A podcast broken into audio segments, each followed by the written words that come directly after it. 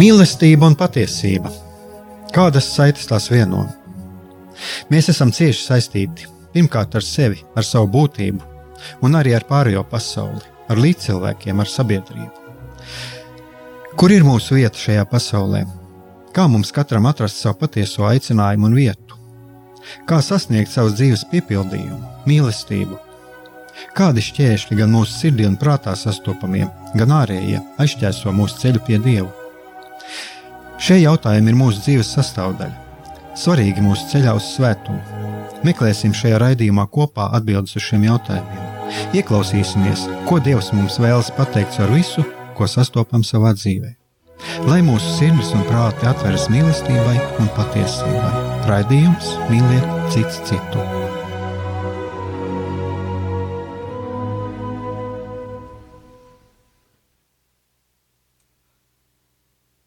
Lai top slavēts Jēzus Kristus, esiet sveicināti, darbie radioklausītāji! Šis ir raidījums Mīliet citu citu. Studijā esmu es, Egārs Brikmanis, un Un šodien ir patiesībā tāda diezgan, es teiktu, tāda diezgan ievērojama liela diena, jo nu, šoreiz nu, ir pienācis tas laiks, kad mums ir viesis, bet tikai viesis ir attālināti, tas ir Jānis Jakobsons. Un eh, mēs eh, runāsim nu, man tā doma ir tāda vispār šā raidījuma nosaukumu. Iz, es izdomāju, kā, kā varētu šo raidījumu nosaukt, un šī raidījuma nosaukuma, es domāju, labākais būtu, mm, kāpēc mēs eh, sevi apmānam, kāpēc mēs reizēm ļaujam sevi apmānīt. Un tas man radās šī doma. Patiesībā man doma par šo runāt jau bija jau pirms kāda laika, bet man šī doma radās tad, kad es pamazām skatos Rebaltika veidoto raidījumu ciklu, kas saucās Karmas Latvieši televīzijas raidījumu cikls. Darbie radioklausītāji, jums ir interese, un kas esat jūs pie interneta, jūs arī variet iegūglēt un paskatīties Karmas Latvieši un atrast, kā to noskatīties, kas nav redzējuši. Lūk, tā. Un eh, tā tad man radās interese par to. Es arī parunāšu par to. Tur ir runa par, par to, par ezotēriku, kā cilvēki iesaistās dažādās ezotērikas kustībās un tā tālāk. Un, un es domāju, ka tas arī nav nekas jauns, jo man pašam ir personīgā pieredze, mēs Latvijā jau kopš kopš, kopš 90. gadu sākuma ir populāri dažādi gan finki, gan finka pareģojumi, leģendas par finku, par Nostradamusu, horoskopu joprojām un, un tā tālāk. Jā, un tāpēc es esmu uzaicinājis par šo pārunāt cilvēku, kas varētu no tādas psiholoģijas puses parunāt. Tas ir jau kas ir sekoši līdzi, tas ir mums visiem zināmais Jānis Jakobsons. Sveicināti, darbie radioklausītāji! Sveiks, Aigar! Jā, un man uzreiz ir tāds. Pirmais, es uzdošu jautājumu, to es redzēju eh, šos raidījumu ciklu Karmas Latvieši. Es uh, neesmu redzējis, bet esmu redzējis reklāmu un arī Facebookā kaut kādas tur ziņas. Tā kā apmēram es, es tā kā uztvēru, par ko šis raidījums ir. Mm. Jā, un tad man uzreiz ir jautājums par to, Vai tev ir pašam nācies sastapties ar cilvēkiem, kuri aizraujas ar, ar ezotēriku? Un, uh, varbūt ne tik daudz, no es domāju, ka katram mums ir tāda zināšana, bet arī kā teiksim, cilvēkam, kā psihologam. Uh, es esmu sastapis cilvēkus, jā, kuri interesējas par šo uh, jomu, jā, kuri teiksim, varbūt arī kaut kādā mērā to praktizē, uh, izrāda pastiprinātu interesi pret to, vai esmu darbojies ar šādiem cilvēkiem, vai man ir bijusi pieredze. Nē, ar šādiem cilvēkiem es neesmu darbojies, strādājis, bet jā, tā kā tādus cilvēkus pazīstu noteikti. Mm -hmm. Jā, nu es varētu teikt, no savas puses, no, kā, kā garīgais pavadītājs, tad man ir bijusi šī saskarsme.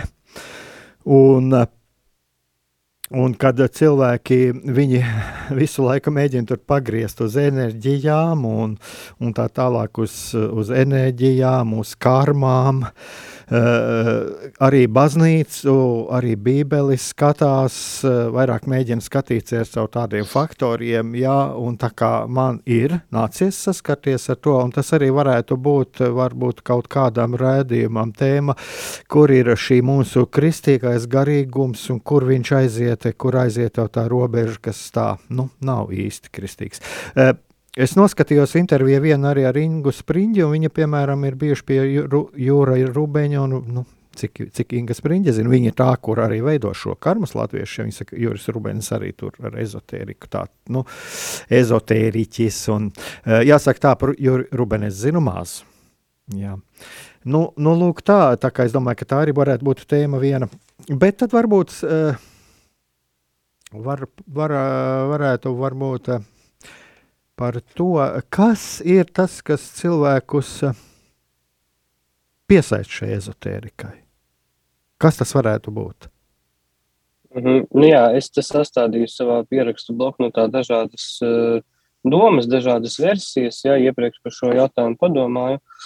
Un, uh, nu, principā, mēs varam skatīties uz to šādi, ka cilvēki, kas vēršas pie dzīvniekiem, bieži vien atrodas zini, tādā ļoti emocionāli eh, nestabilā stāvoklī. Ja? Tie cilvēki, kuri varbūt ir izmisumā, tie cilvēki, kuri atrodas tādā ievainotības pozīcijā, ja? kad nu, viņi ļoti jūtīgi uz katru uh, dzīves notikumu, iespējams, viņu dzīvē ir bijis kaut kāds satricinājums. Un cilvēks šo faktoru dēļ ir kļuvis ļoti, ļoti emocionāli nestabils. Uh, Un, eh, un tādā brīdī cilvēks grib pieķerties pie vienalga kāda cerības salmiņa, eh, lai viņa būtu labāka. Tā kā no vienas puses šeit mēs varam atzīmēt to, ka tas ir tāds no nu, cilvēkam ļoti liels, mm, kā viens no variantiem, tas ir liels vājuma brīdis, kurā cilvēks meklē uh, palīdzību. Ja? Un, un kad cilvēks atrodas tādā stāvoklī, ar viņu ir ļoti viegli manipulēt. Kad cilvēks ir vājš, ka viņš ir nestabils emocionāli, fiziski izsīcis, ar cilvēku ir eh, diezgan vienkārši manipulēt. Tas ir tāds moments, eh, pirmais. Ja? Otrs, ka, eh, kā jau teicu, tad, kad cilvēks ir grūtā situācijā, jebkura cerība ir cerība. Ja? Un, ja kāds šādam cilvēkam sola, ka viņam ir atbildes uz šī cilvēka problēmām, uz šī, uz šī cilvēka jautājumiem, tad uh, cilvēks šādu iespēju, iespēju, protams, vēlēsies izmantot. Jo nu, kuram no mums, kad mēs esam krīzes situācijā, negribas, lai mums ātri viss atrisinās. Ja? Un cilvēki, kuri vēršas pie šāda veida cilvēkiem, tiem ezotērikiem, kādiem burviem, bieži vien viņi atrodas tajā stāvoklī, ka viņiem tik ļoti, ļoti nepieciešama šī pēdējais kaut kāds cerības uh, salmiņš, ja aiz kura pieķerties. Tā, tā es to sākumā varētu atbildēt. Mhm. Te ir vēl viena lieta, ja mēs skatāmies uz, uz garīgu cilvēku, to garīgo pusi. Tāda, nu, tur arī šajā raidījumā izskan nu, arī šos raidījumu veidotājs, ko intervēja. Tur parādījās arī viena tāda lieta, ka, mm, nu, piemēram, Tas nav šajā raidījumā, bet, bet kādā citā tāpat Inga Spriņģa. Viņa saka, ka viņa pēc būtības nav pret ezotēriku. Ja, tas ir atkal saskana ar to, teiksim, nu, kā mēs, kā kristieši, arī kā mums pret to attiekties. Ja, un, un viena no tām lietām ir arī man ja, kad, eh, nu, lai es varētu kaut ko eh, pateikt, ka tas ir fuj, eh, tad man ir jābūt, nu, tomēr ir kaut kādam argumentam. Mēs varam kristiešu vidē, varbūt, kas vairāk kaut ko saprot to kristīgo skatījumu, mēs varam diskutēt savādāk, bet iziet ārpus tā mūsu skatījuma, tā, tas tā ir pavisam cita lieta. Un viens no faktoriem, kā viņi nosaka no to, kur ir, kur ir bīstamība, tas ir viens ir tas, kad šim cilvēkam pasaka, kas viņam ir jādara. Viņš aiziet pie kaut kāda guru, viņš pasakā, tev jādara tas un tas. Uh, tad nākamais ir, ka mm, tur ir pirmajās sērijās sevišķi parādīts, bīstamība ir tā, kad cilvēkam mm, cilvēks var neiet pie ārsta. Viņš viņam kaut kādus izdomātus brīnumu līdzekļus. Ja mēs atceramies, mums jau bija savu laiku arī te bija Pār, ja pārdeva uzcenot krānu ūdeni un tāds bēdīgs, slavens cilvēks, jā, kas arī apkaroja vakcīnas un, un, un, un, un visas eh, modernās tehnoloģijas. Un tā. un, um, tad, eh, lūk, šis ir tas, un, un vēl, viens, vēl viena lieta, kas, par ko tika runāts eh, tur arī kas parādījās šajā karmas latvieši, tas ir tas, kad bērni tiek iesaistīti. Un bērns, kurš nevar izvēlēties, eh, kuram ir ierobežota iespēja izvēlēties bērnu bērns uh, ir teiksim, gan no izglītības iestādēm, viņš tiek izņemts uz mājmācību un tā tālāk. Uh, arī par to pašu vakcināciju un tā tālāk. Un tad vēl viens faktors ir tas, ka nāk Krievijas propaganda iekšā, un tas ir ļoti interesanti. Tur ir teiksim, pēdējās divas sērijas, ja kā stāsta, kā nu, tur, tur Ukrainā tur tiešām ir kaut kādas bioloģiskās laboratorijas un tā tālāk, ja viena no šīm sievietēm, ja tā. Tas ir man tāds, piedod, tādu, tāds man mazliet tāds garas, manas tās, manas tas um, monologs sanāca. Bet nu, varbūt tas ir saistīts arī ar to, ka es esmu pats šo raidījumu redzējis, es arī, kā saka, cilvēks, es pamudinu, ja kādam ir interese, varbūt arī pašiem paskatīties un pameklēt. E, ko tu teiktu par šīm lietām, varbūt arī kā, nu, no tāda psihologa skatījuma? Es tā tādu atreferēju, ko tu šajā raidījumā teici.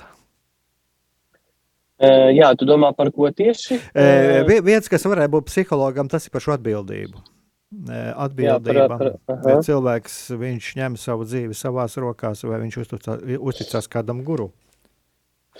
Jā, nu, redzi, šeit es domāju tā, ka uh, par to atbildību ļoti interesanti, jo mm, tas ir atkarīgs no cilvēka personības, jā, no viņa personības tipa, uh, no viņa temperamenta, teiksim, uh, ja cilvēks ir um, audzis teiksim, tādos apstākļos, kur viņš e, izaug par tādu infantīlu uh, personību, uh, tad viņš uh, vienkārši jau automātiski nezina, kas ir atbildība. Ja?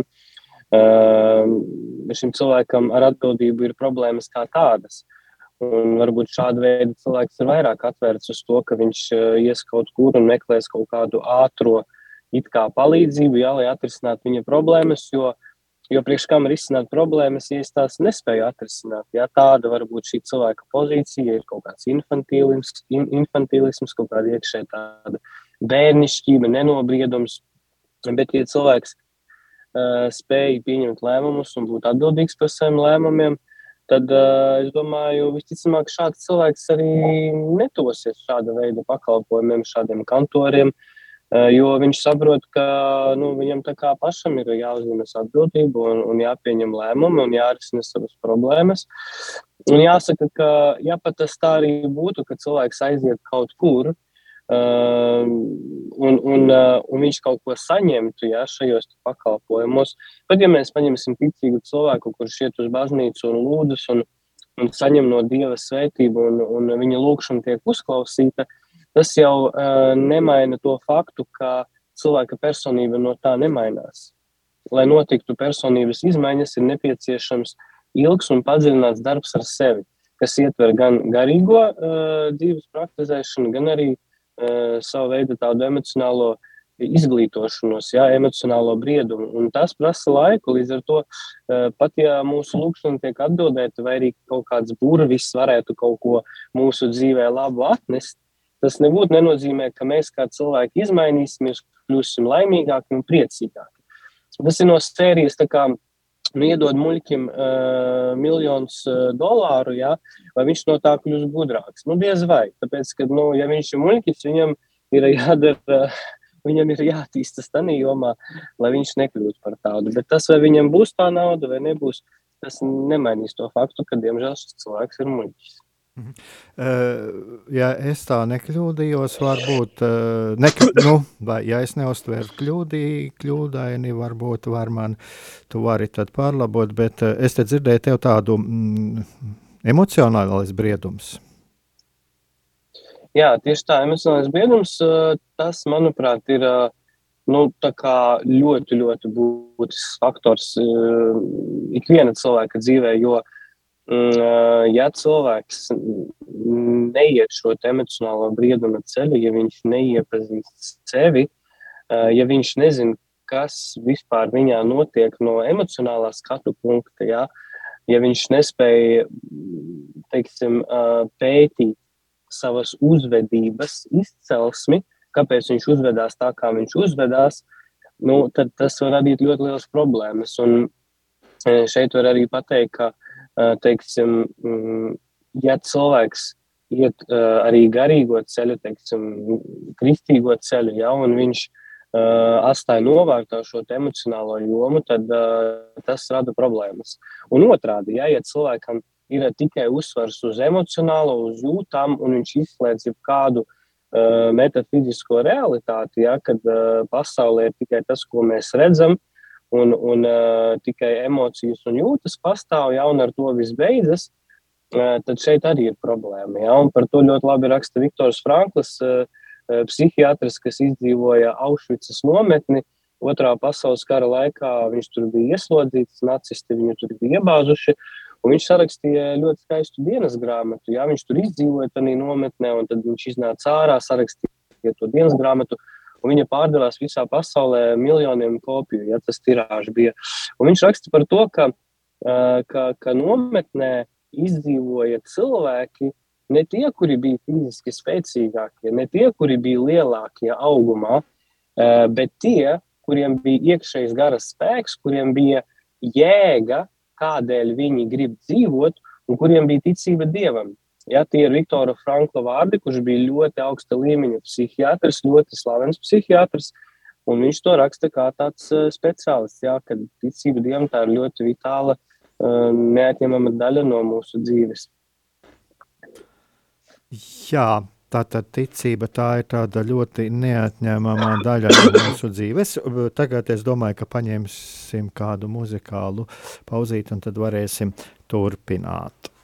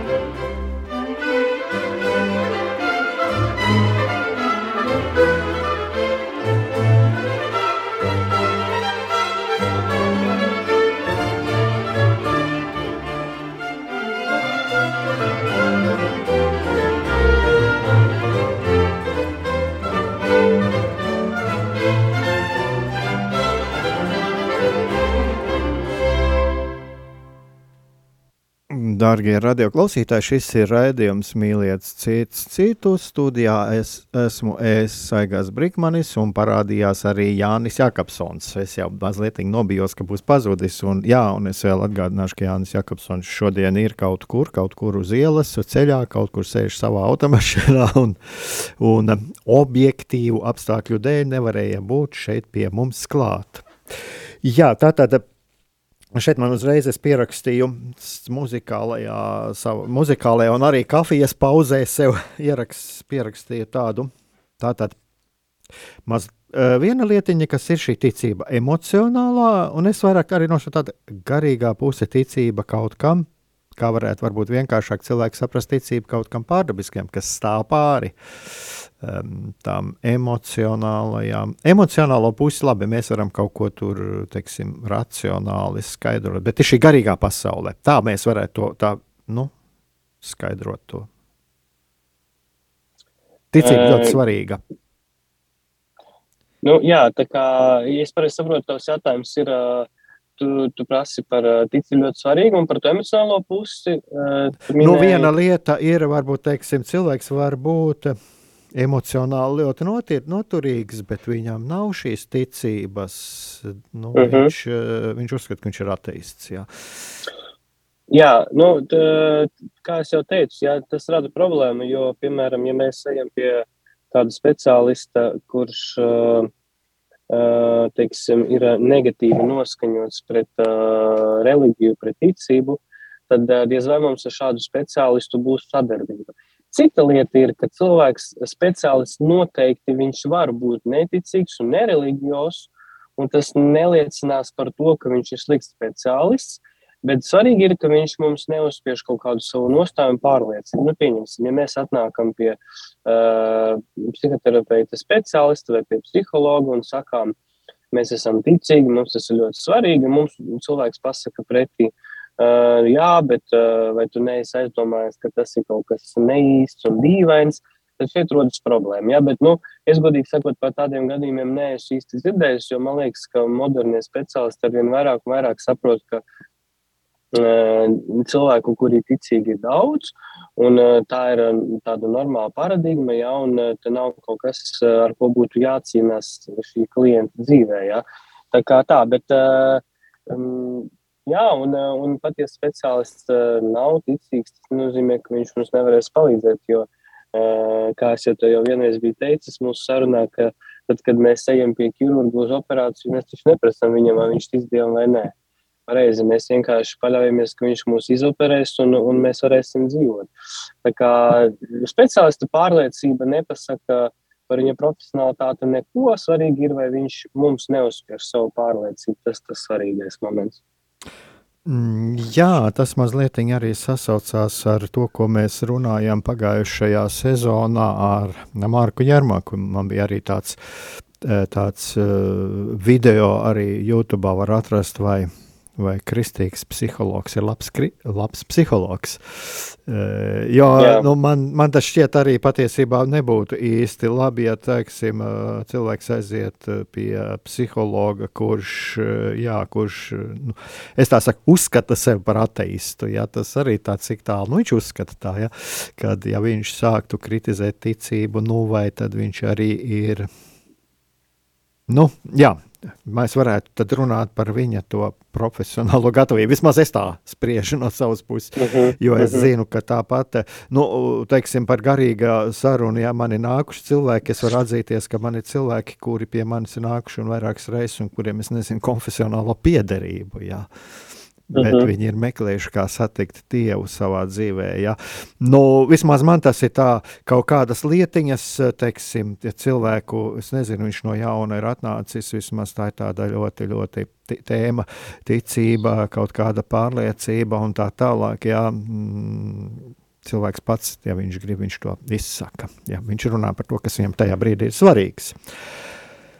Jā, un eh, šeit jau arī šajā raidījumā arī tas izskanēja, kad pašos pamatos, ja arī kas tos raidījumu veidotājs arī satrauc, tas ir tas, kad mm, tas ir tas, kad lūk, ieliek cilvēkam, nevis ļauj cilvēkam pašam izvēlēties, bet ieliek viņam kaut kādu viedokli. Nu, es, es tādu saviem vārdiem saku, tāpēc, ka viņš ir vienkārši tajā brīdī, viņš ir vājš, viņam ieliek kaut kādu dzīves ceļu, kas kas tam guru šķiet pareizs.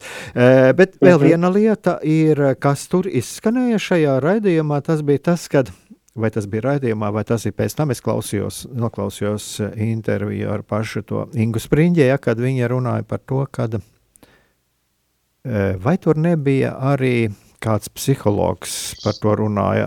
Diemžēl es to tagad vairs tā neatceros, jo daudz informācijas, bet tur bija runa par to, ka uh, ka var palīdzēt uh, arī. Nu, arī mediķi, med, mediķi nevēršās pret to, ja cilvēks teiksim, dodas pie kaut kāda šī ezotēriskā skolotāja, ja viņš uh, mm, uzklausa, un ka arī tas var kādreiz cilvēkam palīdzēt. Un arī man, teiksim, man nav nekādi iebildumi pret to. Jā, nu, cilvēks aiziet viņa dzīvē, viņš ir uzklausījis, jā, bet nu, neiedot kaut kādus uh, virzienus uh, viņam, teiksim, kas nu, viņam varētu kaitēt, teiksim, neaicina atteikties no medicīnas vai tā. Jā.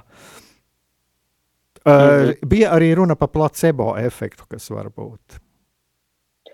Jā, nu, es domāju, ka šeit ir tāds moments, ka mēs pilnīgi noteikti varētu ņemt kaut kādus klīniskos pētījumus, kur cilvēki šāda kur cilvēki, kuri ir vērsušies pēc šāda veida pakalpojumiem un palīdzības, tika teiksim, pētīti. Jā, Un, un tad ir veidojusies kaut kāda statistika, un es domāju, ka tur būs ļoti daudz šo faktoru, ko tu mini, kā placebo, kā uzklausīšana. Ja, jo, uh, kāpēc bieži vien psihoterapijas vai psihologa kabinetā uh, cilvēkam paliek labi vai notiek viņa dzīvē izmaiņas? Ne jau tāpēc, ka viņa pretī sēž ļoti gudrs, uh, kaut kāds super neparasts psihologs, jā, bet tāpēc, ka cilvēks tiek pieņemts pieņemšana, tas ir viens no svarīgākajiem mūsu personības tādiem aspektiem. Tas ir tas, kas mums ir nepieciešams kā cilvēkam, lai mēs izdzīvotu. Jo mēs zinām no vēstures, ka cilvēki vienmēr ir dzīvojuši tādos kā bariņos, grupās, ja, un ja cilvēks ir bijis izraidīts no kādas grupas, no kādas sabiedrības, tad viņš nomirst. Ja. Kas notiek ar mazu bērnu dzīvnieku, kurš atraujas no savas mammas? tikko piedzimis, viņš nomirst. Ja? Tāpēc mums pieņemšana ir vitāli svarīga cilvēkiem. Ja mūs neviens nepieņems šai dzīvē, tad uh, mēs vienkārši mēs būsim, būsim smagā depresijā. Un, ja cilvēks aiziet pie šāda veida tur kaut kāda ezotērija, vēl kaut kā, un tas, tas ezotērikas elementāri uzklausa šī cilvēka grūtību, viņam jau paliek labāk. Es tieku pieņemts, es varu izraudāties, es varu būt es uz vienu stundu, ja, un man neviens nepārtrauc, man neviens neko nepasaka. Un tas rada cilvēkā pārmaiņas, jo viņš ir atbrīvojies no lielas emocionālas spriedzes, viņš ir piedzīvojis pieņemšanu. Jā, e, kāpēc e, es esmu sastapis manā dzīvē, manā pieredzē cilvēkus, kas e, ir ticīgi Un bieži vien man ir sacījuši apmēram tā, tā kā līdzīgus tādus vārdus, ka es esmu ticīgs, bet uh, es, es uh, nevaru pieņemt to, ka Dievs mani mīl. Es nevaru pieņemt to, ka Dievs tiešām ir un, un ka Viņš rūpējas par mani. Kāpēc tas tā ir? Tāpēc, ka cilvēkam ir svarīga šī pieņemšana, viņš grib būt pieņemts. Nu, un, protams, šī sajūta, ka Dievs nepieņem kādu no mums, ir cieši saistīta ar to, uh, kā mēs augām, vai mēs bijām pieņemti kā bērni. Jo, ja mēs augam apstākļos, kur mēs esam nepieņemti, mūsos automātiski izstrādājas tāds pasaules redzējums, ka visa apkārtējā pasaule mūs nepieņem. Protams, tā nav patiesība.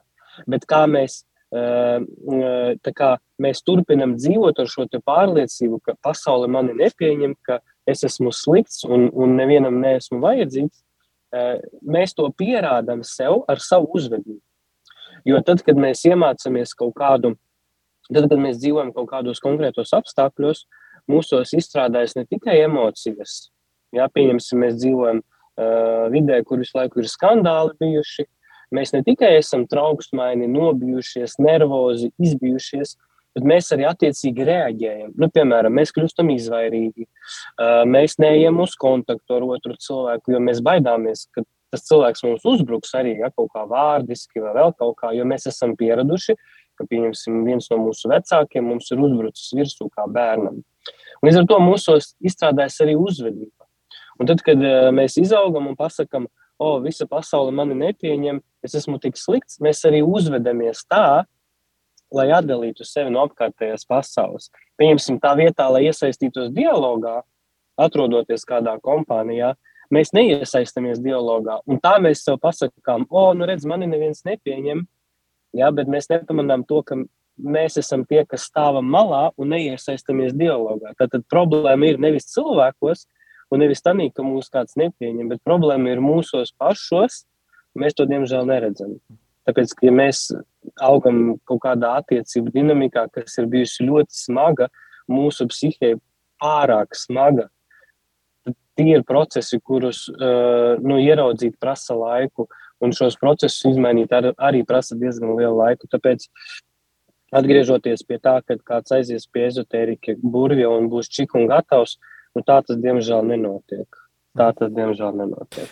Jā, tu pieskaries tādam tematam, kas man šķiet arī būtu, un ar ko nu, ir nācies man arī saskarties diezgan bieži, eh, kad eh, cilvēks ir uzlicis pats, uzlicis ir sev kaut kādus mūrus, kaut kādas robežas, viņš neiziet uz šo kontaktu, un, protams, ka šī kompānija vai kaut kāda vide, eh, viņi to jūt. Ja mēs jau neiziesim arī uz to cilvēku, kurš ir ierāvies sevī, viņš būs jā, kaut kur jā, maliņā, jā, jā, jā, bet viņam šķiet, ka viņš ir lūk tāds, ar kuru ne negrib kontaktēties. Jā, es esmu jā. samērā bieži saskāries ar tādiem gadījumiem, un uh, to būtu interesanti vispār. Man šķiet, ka tas arī varētu būt tāda uh, vesela raidījuma tēma, bet tagad es atkal domāju, paņemsim kādu muzikālu pauzīti, un es te pierakstīju. Te ir vēl viens tāds, man radās viena ideja, par ko mēs varētu parunāt arī attiecībā par to, kāpēc, kāpēc uh, cilvēks. Iet kaut kur pie šiem ezotēriķiem, kāds varētu būt vēl iemesls. Labi.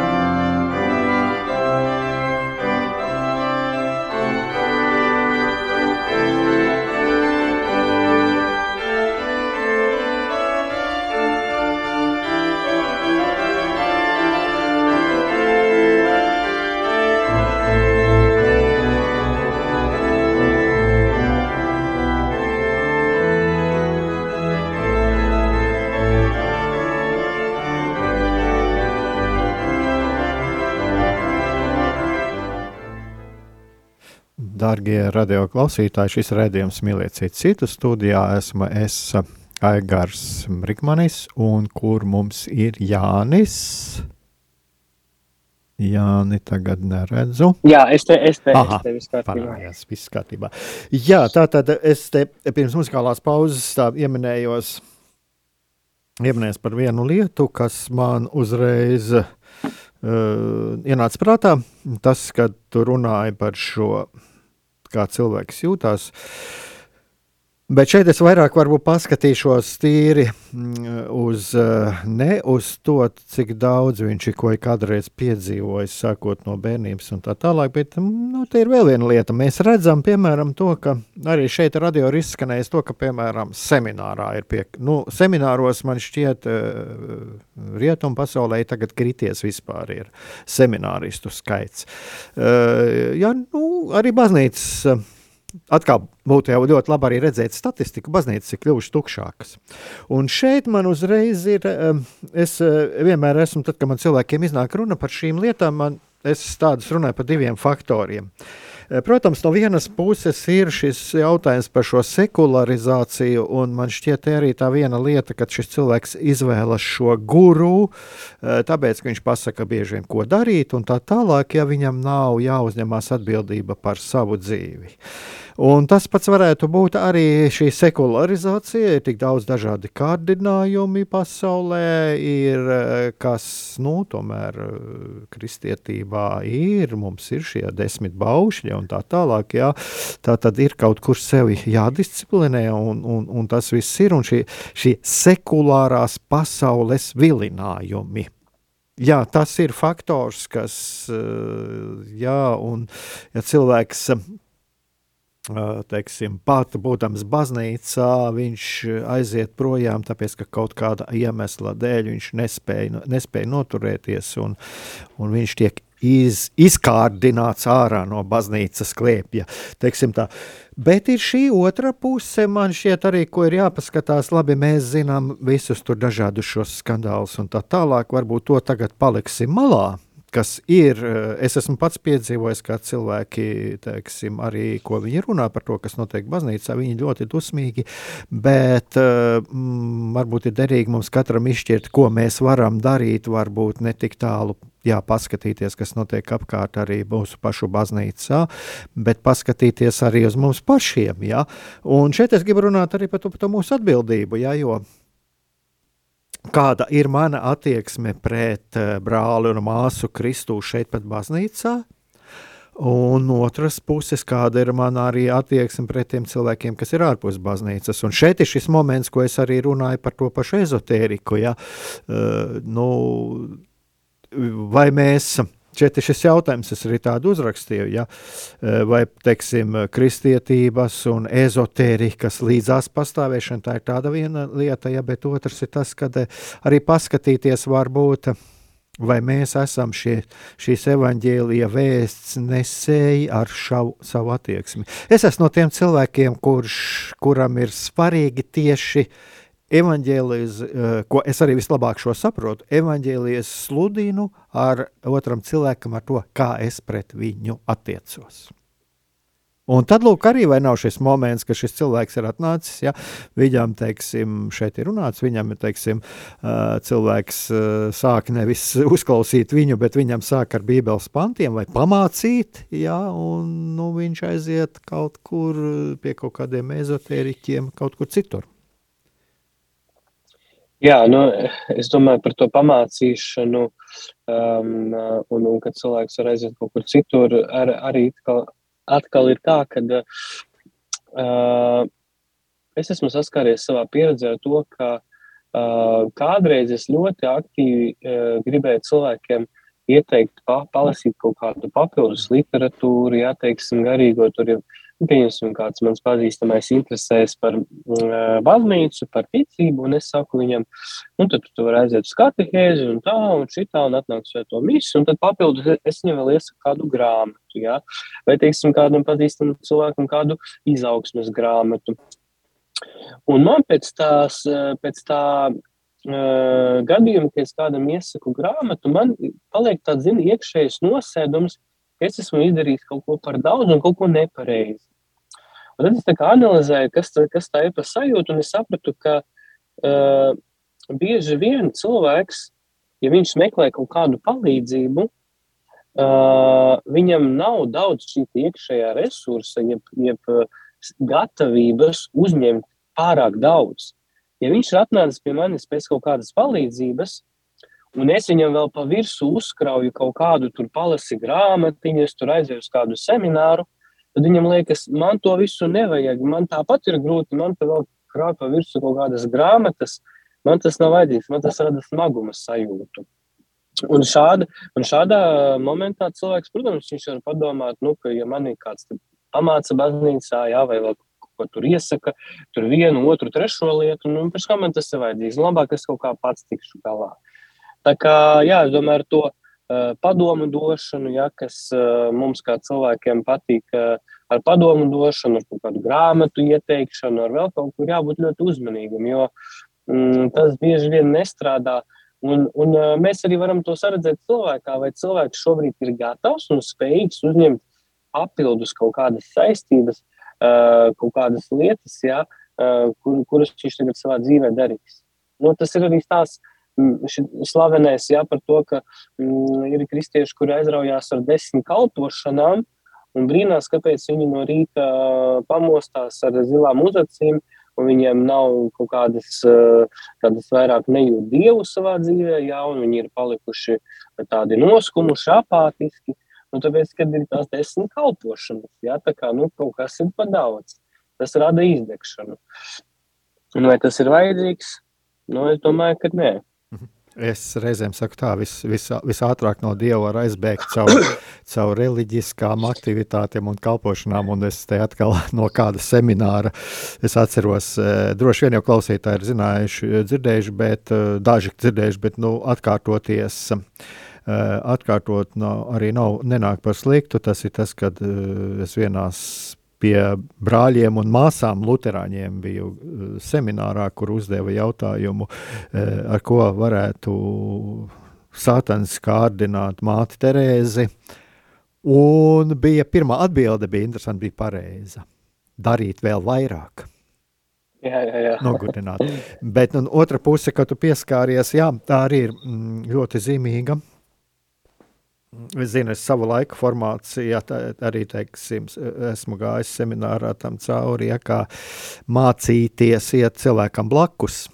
Ja, ja mācīties iet blakus, tas nozīmē to, ka uh, es esmu viņam blakus, bet es viņam neskrienu pa priekšu. Un tas piemērs, ko tu stāstīji, tas ir tāds, man šķiet, diezgan liels, um, diezgan pazīstama lieta uh, kristīgajā vidē. Uh, kad eh, mums ļoti, ļoti gribās, eh, jo mēs zinām, mēs esam izlasījuši ļoti labu grāmatu, un mums ļoti, ļoti, ļoti, ļoti gribās viņam, viņam iedot šo grāmatu. Jā, lūk, tas tev palīdzēs tavā garīgajā dzīvē, bet vienkārši šis cilvēks nav gatavs. Tad būt tām antenām, jā, kas mēs, mēs saprotam, kurā brīdī cilvēks ir tam gatavs. Jā. Es domāju, ka tas pats ir arī psiholoģijā, jo nu, cilvēks viņš ir Viņam ir jābūt līdz tam.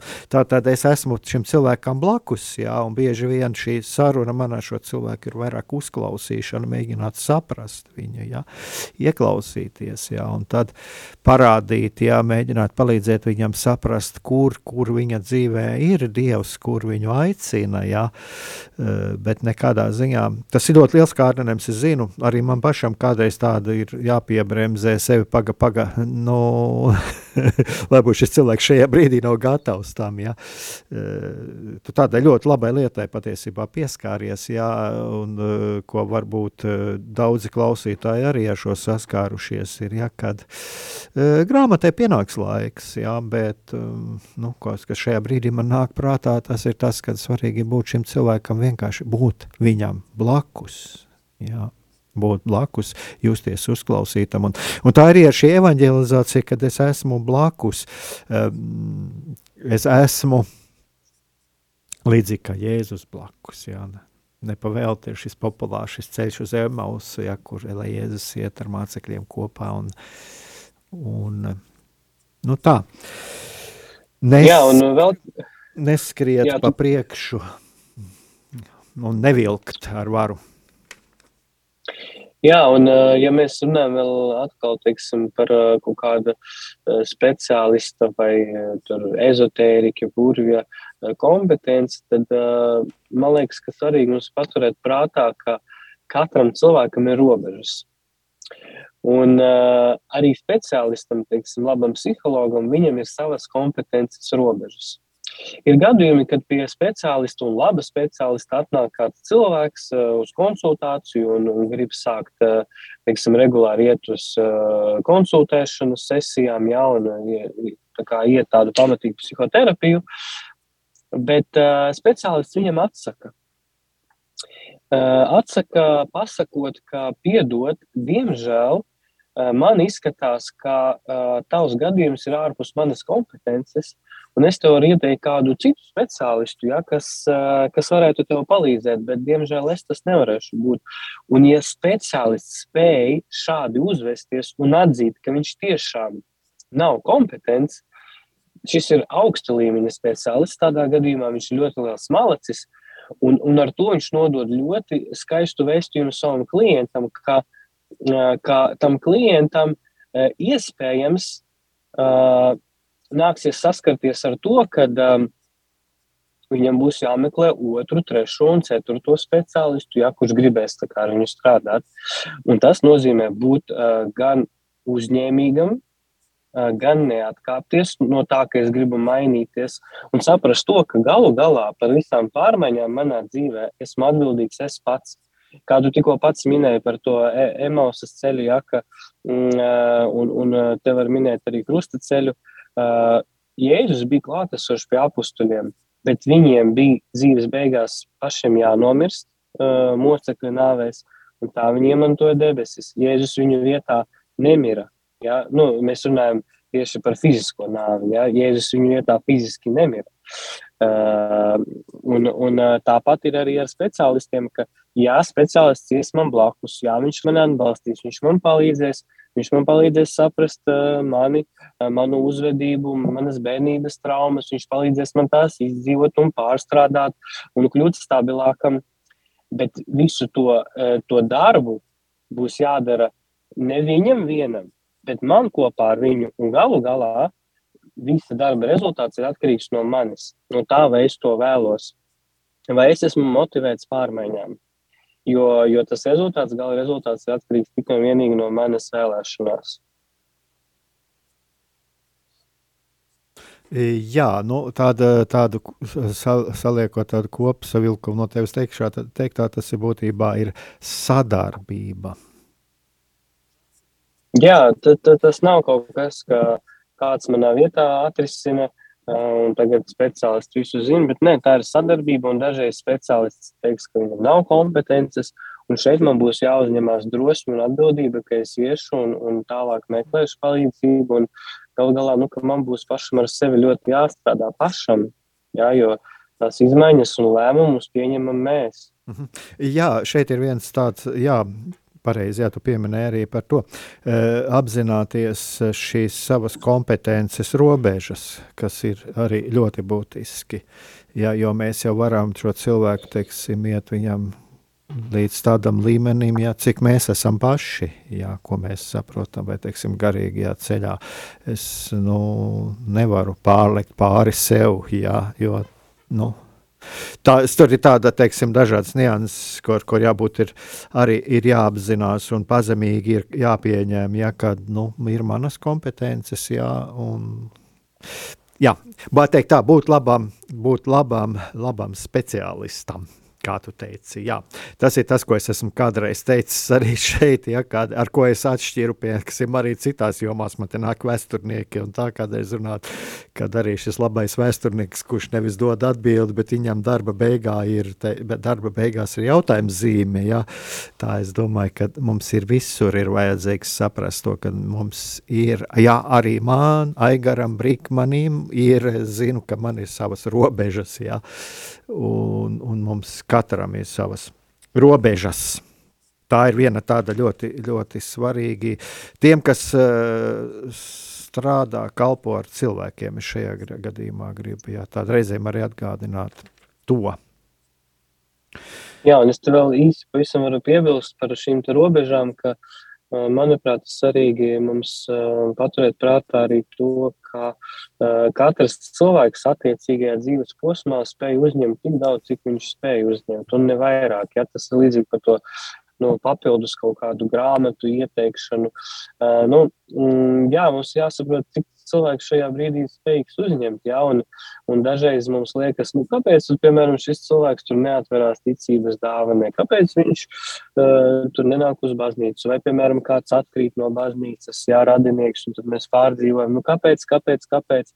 Un lielākā kļūda, ko mēs varam darīt, mm, kļūt agresīvi un to cilvēku vilkt jā, uz to baznīcu, vai, vai tur viņu kaut kā visu laiku mudināt, kaut kā bakstīt. Tā ir, manuprāt, lielākā kļūda, kas parāda uh, mūsu uh, kaut kādu brieduma trūkumu, kas parāda par mūsu kaut kādu garīgās pakāpes trūkumu, un tas tikai cilvēku attālina no tā.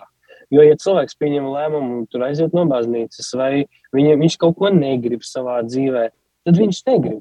Tā ir viņa nostāja. Nu, tu nevari viņu vienkārši ievilkt kaut kur. Tu nevari tagad kristieti pārvērst par musulmani, vai tu nevari musulmani pārvērst par budistu. Nu, vienkārši nē, pie tā cilvēkam ir jānonāk ar savu iekšēju jā vārdu. Tāpat kā pie altāra divi cilvēki iet, un tu nevari tam cilvēkam pateikt, lai viņš mīl to otru cilvēku. Ja viņš viņu mīl, ja viņš viņu grib to cilvēku, tad viņš pateiks, jā, es tevi ņemu par savu vīru, par savu sievu. Mēs varam tikai uh, kā, cilvēks ir spējīgs kaut, kād, kaut kādus lēmumus pieņemt un mainīties, ja viņš to pats vēlas.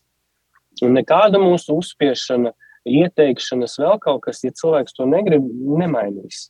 Mēs varam lūgties, un noteikti tas palīdzēs. Tas, kā saka, Bībelē darīs mīkstāku cilvēka sirdi. Ja, ka viņš ir atvērts kaut kādiem garīgiem impulsiem un dieva klātbūtnē, bet noteikti mēs nevaram uzspiest. Mhm. Jā, tā tad jā, vēl viena ļoti svarīga lieta. Mēs apzināmies savas robežas, Eh, es tāpat tam robežām man ļoti, ļoti, ļoti patīk šī lieta. Mēs apzināmies savas robežas, cik mēs varam, jā, un tur, kur nav, tur mēs vienkārši šo situāciju atlaižam. Bet mums vēl atliek viena ļoti, ļoti liela iespēja, tas ir lūgties par šo situāciju, lūgties par šo cilvēku. E, jau raidījumam pienācis ir laiks noslēgumam, un es tikai tādu mazliet tādu, nu, uztaisīju tādu kā nos, noslēgumu, kopsavilkumu. Tātad, Ko, ko, ko var, varētu mēs varbūt no šī saprast? Ja tā tad mm, ezotērika, tādas lietas pastāv blakus, viņas pastāv, bet nu, es tā varbūt arī no savas puses varētu pateikt, ja, mm, nu, būsim piesardzīgi tur, kur mums mēģina kāds ieteikt kaut ko. Jā, un es nerunāšu, varbūt tas ir tikai ne tikai ezotērikā, tas ir arī pašā kristiešu vidē. Tur arī mēs varētu vēl par to parunāt. Iet, ne, nu, ieteikt, ieteikt, ir labi ieteikumi. Tas nenozīmē, ka galīgi ne. Bet, kad mēģina mums mainīt savu dzīvi, jā, bet kas ir pats galvenais, man liekas, tāda esencīta, ko varētu no šī izvilkt, jā, kad ir mm, ļoti, nu, es tā pateikšu, tā ļoti laba. Mm, ļoti laba tikšanās ir bijusi ar psihoterapeitu, vai tas ir tas, um, teiksim, garīgais līdzgaitnieks, ir tad, kad cilvēkam pavērās iespējas, kad viņam pavērās tie, tie vārtiņi, tās iespējas, kur viņš pats spēj izvēlēties savu dzīves ceļu. Nu, tas tā, kādu es tādu noslēgumu gribu pateikt par šo. Jā, un es tikai pielikšu divus vārdus, ka, ka cilvēks pats spēj izvēlēties savu dzīves ceļu, un ka mēs pieņemam to dzīves ceļu, kuru cilvēks ir izvēlējies. Pat ja mums tas ir sāpīgi un nepieņemami un pretrunā ar mūsu vērtībām un dzīves skatījumu. Jo, kā jau teicu, mēs to nevaram izmainīt. Ja cilvēks to ir pieņēmis, un mēs to spējam pieņemt, tad mums paliek vieglāk. Un, nu, tā. Mm -hmm. Jā, arī ļoti būtiski pieņemam. Un, jā, Jo tas arī liecina par to, ka arī mēs esam brīvi, un patiesībā tas liecina arī, ka mēs esam uz daudz ko spējīgi vairāk. Jā, šī iekšā Jā. brīvība. Dzīvot savu dzīvi.